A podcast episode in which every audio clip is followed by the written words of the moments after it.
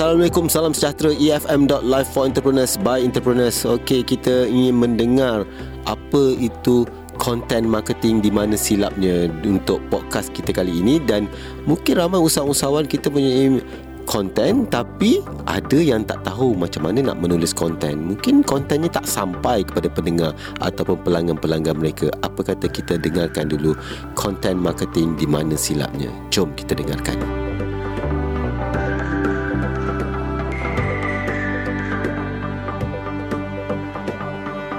Tetamu saya hari ini dua orang iaitu Aminata Zuri Yahya dan Ainil Hawa Jasnin dari Hanami Global. Apa khabar? Baik. Baik. Alhamdulillah, Alhamdulillah. sihat. Selamat datang ke EFM. Terima kasih. Alright. Okey, mana satu Aminata Zuhri? Okay, saya Aminata Zuhri binti Amri. Boleh mm-hmm. panggil Amy. Amy. Alright. Okey, yang seorang lagi iaitu Ainul Hawa Jasnin. Nak panggil apa ni? Panggil saya Hawa. Hawa. Hai Hawa. Hai uh, Amy. Okay, Amy dan Hawa. Alright, boleh cerita tak seberingkas mengenai bisnes apa sebenarnya Hanami Global ni? Apa produk yang dijual? Uh, okay, saya start saya sebagai uh, saya perkenalkan dulu lah diri saya. Uh-huh. Saya mhm. sebagai uh, CEO kepada Hanami Global dan uh-huh. Hawa adalah sebagai Chief Marketing Officer Hanami Global. Okay. Okay, kami adalah uh-huh. daripada program Symbiosis 3.0 under MTDC. Uh-huh. Okay. Company kami ni ditubuhkan pada 31 hari bulan 3 tahun lepas 2017. Baru setahun lebih dah. Yes, okay. betul. Okay. Masih setahun jagung katanya. Ya betul, bawa anak-anak sangat. Alright. Bawa baby sangat. okay. Alright, teruskan. Okay.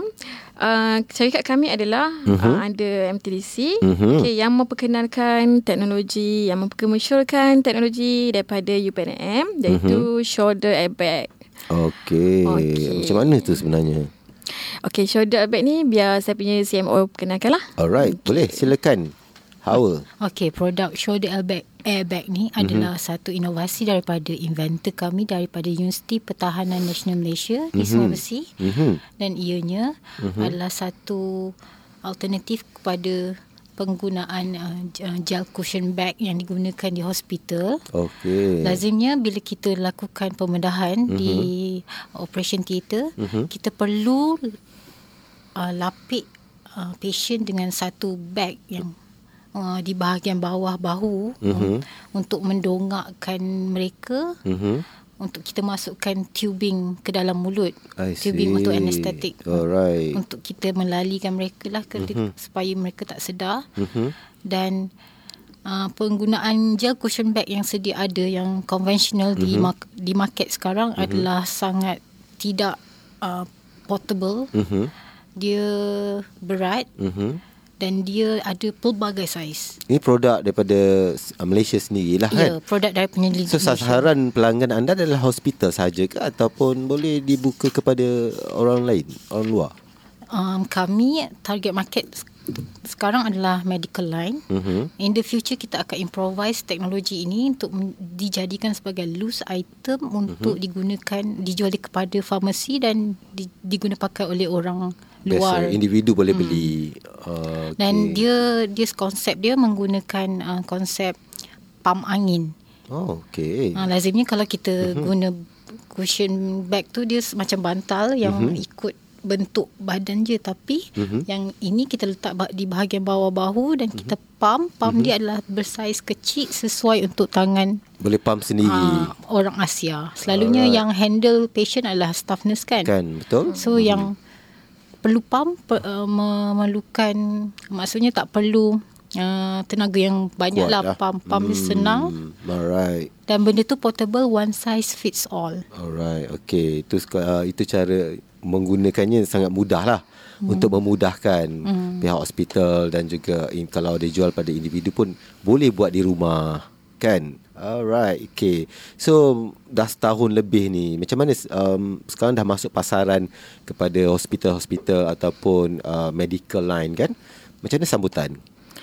Uh, setakat ni Alhamdulillah. Hmm. Okay, kami masih untuk validate untuk teknologi dengan market validation dululah. Hmm. Okay, untuk tu memang teknologi ni telah digunakan di hospital. Um, okay, sebenarnya Ianya telah diguna pakai di semua Armed Forces Hospital di Hospital Trendak, Hospital Lumut dan Hospital uh, I Angkatan. Tentera Tengku Mizan. Okey, maksud sebab produk daripada Universiti Pertahanan sendiri kan. So jadi digunakan dulu, hmm, dicuba betul. dulu dekat hospital yang di di apa ni di diuruskan oleh pihak Yes. Kementerian Pertahanan. Alright. Okey, saya nak tanya um, mungkin dari bagi dari Amy dulu boleh ceritakan apa yang anda faham Amy faham pasal content marketing. Tajuk kita hari ini adalah uh, content marketing dan di mana ap- silapnya? Okay, untuk content marketing, Mhm. di mana silapnya? Okay, uh, sebagai line in the business ni, kita memang kena ada content yang betul lah. Mhm. Supaya contoh, sesuatu tu kita kena ada filosofi, kita kena ada perancangan content Betul. kita, Mhm. kita kena ada strategi, kita Yes. kena ada team. Mhm. Melalui dari situ barulah kita akan dapat content yang betul lah. Normal Mhm. macam kesilapan yang mereka buat, mereka tak ada perancangan. Betul? Mhm. Bila tak ada perancangan yang strategi yang yang sangat okey tu Mhm. menyebabkan dia punya um, ke mana tujuan tu kita tak dapat Mhm. uh, kena pasti. Alright. So Ah. jadi konten ni sebenarnya penting. Ya sangat penting Kan? bagi-bagi. Kalau tak tak tahu ke mana sasaran pelanggan kita. Mm-mm. Alright. Macam uh, Hawa pula apa pandangan Hawa berkenaan dengan content marketing ni? Content marketing perlulah tepat Mhm. dan um, sasaran kepada customer segment, segmentation tu perlulah um, mencapai target. Alright. Kita tak boleh generalize. Mungkin satu produk tu memang generalize tapi kita mm perlu men- menambat hati sesuatu customer segment tu. Betul? Kita mm-hmm. mesti uh, develop uh, brand brand kita melalui emotional attachment. Betul. So jadi dari segi content marketing tu kena tahu penulisnya kena sedar bahawa ke mana dia nak bawa pelanggan tu uh, content tu kepada pelanggan yang mana. Hmm. Kalau tidak nanti orang pun tak nak baca. Bagaimana you all membina content you all sebab produk yang you jual ni agak jarang-jarang didapati di di uh, pasaran dan ianya orang tak faham kadang-kadang. Okey, kenapa kami memilih teknologi uh, medical device ni? Sebab Mhm. mm-hmm. okey, first adalah kepada kami perlu adalah niat yang murni, suci murni dulu. Hmm. Okey, untuk niat dia adalah untuk Nak membantu, membantu. ya rakyat Malaysia mm-hmm. dan just, justru kepada international. I see. Ah, Okey. bila ni niat kita suci, Mhm. mm-hmm. maka Ikhlaslah. ikhlaslah. Ketulusan tu datang. Yeah, Oh, niat first tu bawa kena rasa macam tu dulu. Okay. And then? Okay, then bila kita orang fikir balik dengan teknologi Malaysia adalah salah satu teknologi yang kita nak fight dengan negara international, okay? So, kita pilih-pilih lah teknologi ni supaya akan datang, akan Mhm. mengharumkan nama negara juga. Mm-hmm. So jadi konten yang you bina tu macam mana? Konten yang kita bina, kita Okay, saya akan serah pada Hawa. Hawa, Hawa nak jawab. Yes, Hawa Hmm, nak jawab. berebut-rebut dia nak jawab. Okey, Hawa. Oh, Hawa jawab, Hawa. semangat.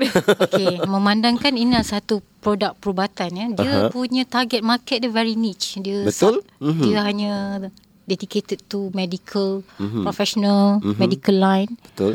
dan mereka ni dia dia orang agak close, tertutup Mhm. dan caranya adalah direct melalui mer- kepada hospital terus Mhm. Kepada mereka dan kita boleh Jadi content marketing tu memang kena specialize kepada Ah, hospital tu hospital sendiri. sendiri. Jadi orang hospital je yang faham. ya, Uh, kalau you cerita kat luar orang tak faham pun. betul. Kan? Jadi ianya agak susah sikit. Kena banyak lah ilmu tu lagi kena terperincikan lagi benda tu sebab kalau tak orang lain tak tahu apa benda sebenarnya. Sebab kalau tengok produk pun uh, kalau orang luar dia konsep design dia macam Apa macam benda ah, ni apa benda lah ni tertanya. Ha, sampai sekarang pun saya pun masih tak dapat lagi nak recall nak nak nak nak fikirkan macam mana benda tu berfungsi. Kan? Apa uh, mungkin betul benda tu untuk kebaikan tapi tak tahu macam mana kegunaan Okey nak gambaran dia. tak? Saya boleh gambarkan. Ah, okey, Okey macam gambarkan, ni. gambarkan. Normal kita bayangkan mm-hmm. bantal kita mm-hmm. ke kabu kan? Alright. Ah, tapi kita bayangkan Saya bantal span. kita. Ah, a spot special. Exclusive kita. Okey, Okey. kita punya ni lagi istimewa udara.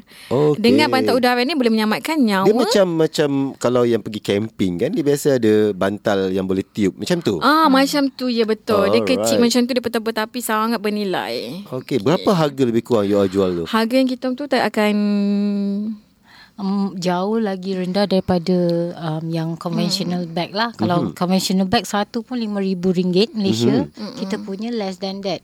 Five Oh. five times lesser. Okay. So jadi maknanya benda tu kena ambil it depends pada berapa banyak dia ambil lah. Hmm. Okay. So jadi quite expensive juga walaupun lima kali lebih kalau satu biasa normal lima ribu. Tapi kalau murah pada tu pun lebih kurang seribu satu kan. Hmm. Lebih kurang lah. Tapi hospital lah Boleh sebab lah. mungkin belum Ah. di Tapi dia pakai dijual- buang. Ah, Oh, boleh pakai pakai buang. buang. Ah, sebab dia Okay. punya pump tu boleh pakai setiasa lah. Okay. Mhm. Tapi dia punya yang pillow tu, mm-hmm. if kalau macam contoh pesakit ada HIV ke, mm-hmm. jangkitan kuman ke, kita kena buang. Oh, I Ah, see. tak boleh pakai. Alright. So jadi benda tu kena beli baru. Yes, kita akan supply. Package. Tambah lagi oh, kan? Oh, tahu tak apa. Alright. Okay.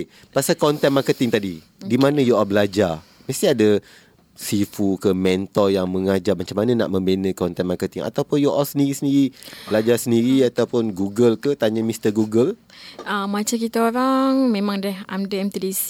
Mhm. Mm-hmm. So memang selama setahun tu memang dia dah bagi ilmu untuk perancangan macam mana kita nak crack syarikat tu. Mhm. Mm-hmm. Macam mana kita nak membentuk apa yang kita pilih teknologi tu. Apa yang konten kita nak bawa. Okay. Mhm. Ah, semua memang ada daripada situ lah. Mm-hmm. Bukan kita simply-simply Google ke, simply shot sendiri ke, tak boleh lah. Tahu kan. Ah.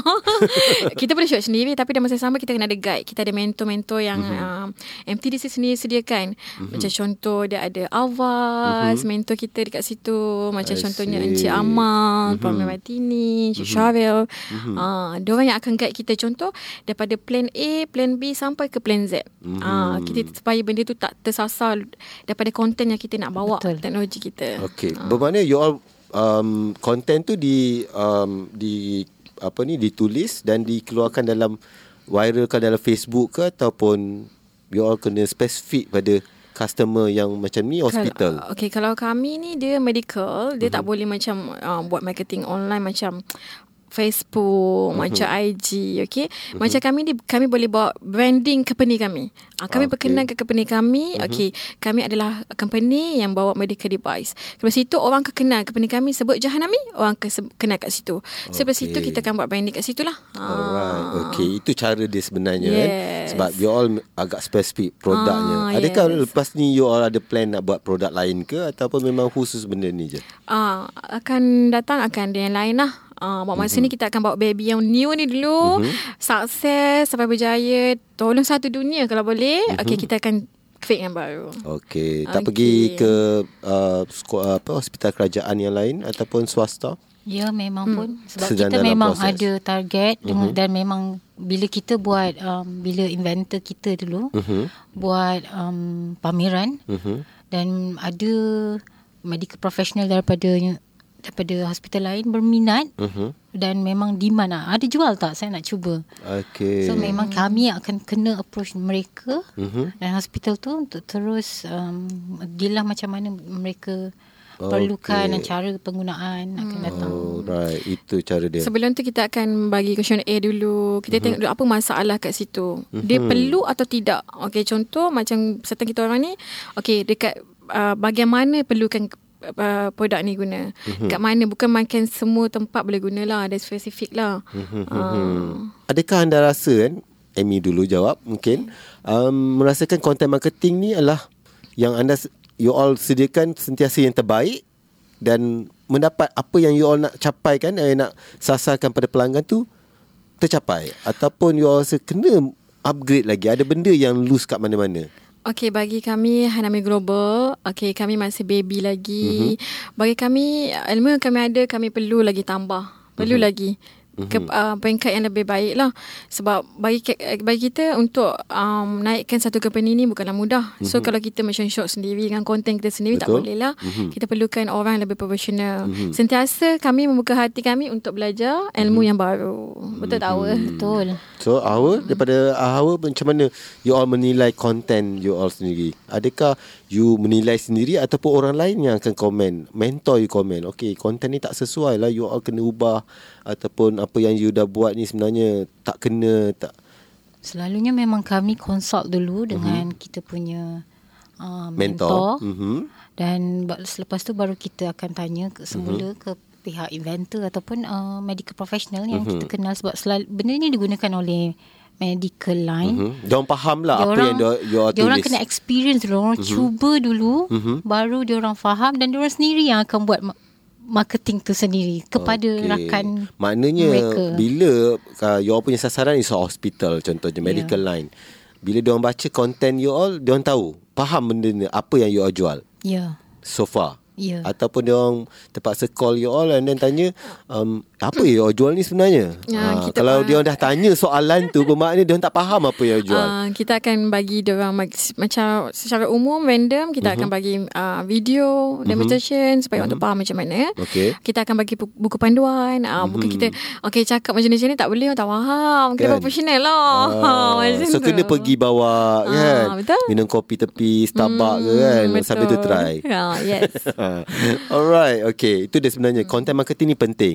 Without that You all lose kan? Yes, Dan betul. customer pun Dia tak tak nak tahu dah lepas tu. Uh, So jadi dalam membuat content You kena tahu ada Objektif dia Apa tujuan you all buat content tu Dan ke mana sasaran Yes. Pelanggan you all kan Setiap company tu uh, kena pandai lah, kena cerdik dan ada plan A, plan B, plan C dan sampai seterusnya. Tak perlu macam kita sasar kat situ je lah. Tak, jika mati kat situ, tak adalah. Maknanya kita ada backup. Oh, Okay. So tapi you content you all tulis sendiri pun ataupun you all ada editor sendiri, editor content yang you all memang ada team menulis. Hmm, ma- macam kita orang, kita orang sendirilah. Kami tapi sama-sama. ah, sama-sama lah. Hmm. You all berdua saja. Kita Ya. berdua dengan Edison. tim uh, MTDC ah, sekali lah. Bukan kami berdua je lah. Okay. Kami ada uh, orang bel- tulang belakang sih yang support kami. Ada Ah. staff tak sekarang?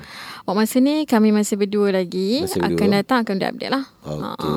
So jadi uh, ada team lah untuk Hmm, menulis content. betul. Sebab benda, benda ni penting sebenarnya. Daripada mula lagi dah kena ada. Uh, sebab kalau you all dah terlepas tu agak susah nanti you all Hmm. nak catch up kan. Sebagai seorang usahawan lah, apa nasihat you all kepada mungkin rakan-rakan bisnes yang lain yang di luar sana yang mungkin tak tahu nak buat content marketing ataupun itu satu cabaran. Kadang-kadang ada orang tak boleh nak menulis tau. Sebab benda ni Okay. bukan mudah nak menulis kan. Okey, uh, bagi saya uh, kepada masyarakat di luar sana Mhm. uh-huh. kalau nak jangan mudah putus asa. Mhm. Okey, kalau nak mencuba boleh. Belajar betul-betul Mhm. sampai kita menjadi profesional. Bila Mhm. kita jadi profesional pun kita jangan uh, ego. Kita masih rendahkan diri, belajar lagi supaya kita sentiasa ada dengan ilmu, penuh dengan ilmu. Okay. Okey. So Hawa? Okey, uh, kita perlu invest. Maksudnya kita mm-hmm. perlu hadir hadir kelas-kelas ke mm-hmm. Alright. uh, marketing sebab marketing mm-hmm. sekarang mm-hmm. dia uh, more to industry 4.0 digital Betul. marketing. Mhm. Kita kena evolve dengan persekitaran dengan dengan apa globalisasi sekarang kan. Mhm. Dan set, Malah ada juga orang tak tahu apa itu industri 4.0 kan? Ya betul. Hmm. Sepatutnya dia sen, sekarang ni waktu di, di zaman 2018 di Mhm. tahun ni sepatutnya dah patut meniti di bibir setiap orang dah industri 4.0 Se- dan semua semua syarikat kena uh, transform. Betul? Sebab macam saya baca lah di di Jepun sendiri pun dah industri 5.0 dah. Oh. Kita kita, Kita dah baru ke, ke belakang lagi kan. So jadi sebenarnya kena sentiasa up to date. Kena sentiasa mencari ilmu benda-benda ni Sebab semua. berdasarkan pengalaman saya Mhm. um, ada syarikat yang besar Mhm. besar asalnya memang besar tapi jatuh. Kan? Sebab Ini hanya sebab tak tahu langsung digital marketing, tak nak Hmm. belajar sebab mereka merupakan generasi awal. Betul. Maksudnya generasi lebih tua daripada saya. Mhm. Tapi mereka tak tahu macam mana nak guna Facebook, macam Hmm. mana nak buat marketing, tak tahu nak buat newsletter, email, uh, Hmm. invitation ke ataupun sebab masih, masih tak nak berubah. uh, video Kan? demo ke whatever Kan? Dia macam orang tu. je. kadang-kadang tak nak berubah and then dia orang rasa macam okay, dia orang dah, dah su- sukses, dah sukses. Jadi dia orang rasa macam okay, buat apa aku nak buat benda ni lagi? Tapi kalau tak kita tak tak mengejarnya, kita tak berubah, kita akan tertinggal di belakang. Betul. Kan? Dan pastinya macam you all usahawan-usahawan muda mm-hmm. yang sentiasa up to date dengan media sosial dan juga persekeliling uh, apa teknologi yang sentiasa saya rasa 6 bulan sekali sentiasa ada changing Ya, kan. betul. So jadi pastinya kepada usahawan-usahawan di luar sana perlu mengambil inisiatif belajar, kena cari ilmu, tak boleh hanya stop macam tu. Kan? Uh, betul. Ada awak nak tambah. Eh, Mi nak tambah. Ha. Ah betul juga. Kita sebagai diri kita sendirilah sebagai masyarakat juga kita kena peka jugalah tak semestinya kita nak kena setiap syarikat tu yang menyediakan contoh training memang ada tapi mm certain mungkin kepada juga nak Uh, setiap individu tu nak improve diri. Mm-hmm. Tapi di individu sendiri tu mestilah uh, kena ada inisiatif sendiri, nak belajar. Mm-hmm. Kalau kita hantar juga, kita mm-hmm. bagi dia ilmu tapi dia tak nak susah juga. Mm-hmm. Uh, macam tu. Betul. Ha, itu sebenarnya penting. Jadi kepada usahawan-usahawan di luar sana, belajarlah ilmu termasuk juga apa saja ilmu termasuklah buat content marketing. Sebab mm-hmm. kadang-kadang orang fikir menulis tu macam main tulis sajalah. Kan? Tapi dia tak sampai sasaran dan mungkin orang pun bila kita kalau kat Facebook contohnya atau Instagram kita tak nak tengok pun apa yang dia orang tulis sebab mm. kita kata macam kadang mereka ni hanya nak menjual menjual menjual kan tapi dia bukan mendidik sebab mm. saya pernah dengar jugalah ada dari pakar kita kena mendidik bukan saja menjual Betul, sebab betul, betul. orang nak tahu hmm. kalau produk tu kalau dijual apa diterangkan secara terperinci hmm. pasal bawa produk tu kebaikannya hmm. orang nak tahu baru orang akan beli sebab dia rasa confident dengan produk yang dijual maksudnya penjual tu sendiri hmm. tahu apa produk dia kan Yes, betul. uh, ke mana hala tuju bisnes ini 5 tahun akan datang di bawah Okey, saya nampak um, bukan saya nampak memang mm-hmm. kami target dan kami akan drive forward mm-hmm. untuk uh, commercializekan produk ini Mhm. mm-hmm. locally dan internationally. Alright. Sebab benda ni Mhm. mm-hmm. adalah satu-satunya produk yang tak ada di dunia maksudnya you're all the first one ah okay okay. maksudnya untuk improvise ataupun mm-hmm. uh, produk uh, teknologi yang sedia ada mm-hmm. yang lama tak ada lagi first Mhm. mm-hmm. time first mm-hmm. In the world. I see. The you all novel. dah dah dah uh, trademark produk ni? pe- ini produk ni sudah dipatenkan. Dah dipatenkan. Uh. alright. Sebab bahaya juga. Kadang-kadang Ah, nanti ada orang lain buat ah duplicate dia buat nanti dia kata produk tu daripada dia orang. Benda ni penting ha?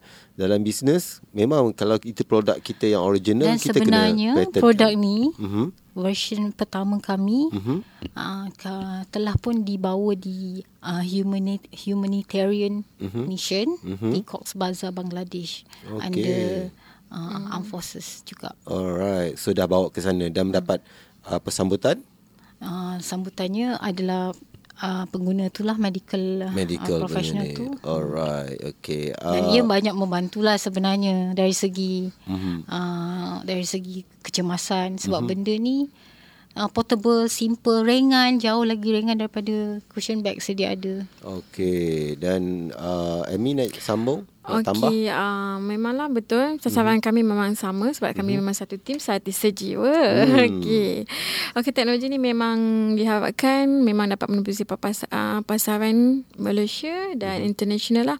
Kalau boleh diharapkan dengan uh, wujudnya teknologi ni dapat membantu Mhm. uh, uh, nyawa nak dapat membantu dapat menyelamatkan nyawa-nyawa yang lebih berharga. sakit. Yes. Alright. Sebab kita niat yang kita niat kita penting sebenarnya. Ah, Baru dengar dia gelak. Kan? Itu pun itu pun dia ketawa. Nak menyelamatkan nyawa. Dah macam Superman tau.